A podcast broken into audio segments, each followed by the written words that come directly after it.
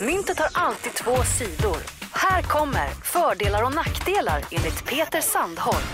Eh, och igår så fick jag en uppgift, att, eh, ett önskemål. Det var du Fredrik som kom med det eh, till fördelar och nackdelar. Och vad sa du? Fördelar och nackdelar med att vara Peter Sandholt? Ja, det kan ju vara intressant. D- då har jag... en- Utifrån dig själv Ja, då. precis.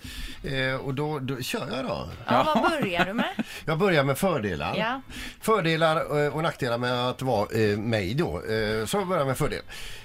Jag gillar att köra bil och är väldigt bra på det.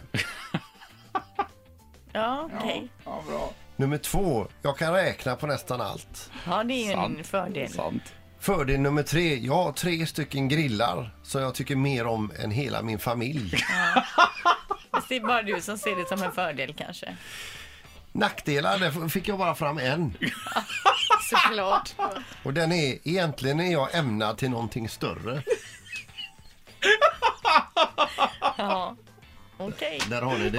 Hoppas Tackar. ni är nöjda. Mm. Ja. Jättebra. Jag är nöjd. Ett poddtips från Podplay.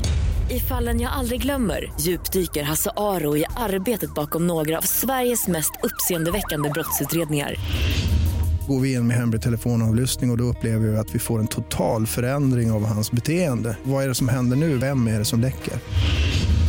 Och så säger han att jag är kriminell, jag har varit kriminell i hela mitt liv men att mörda ett barn, där går min gräns.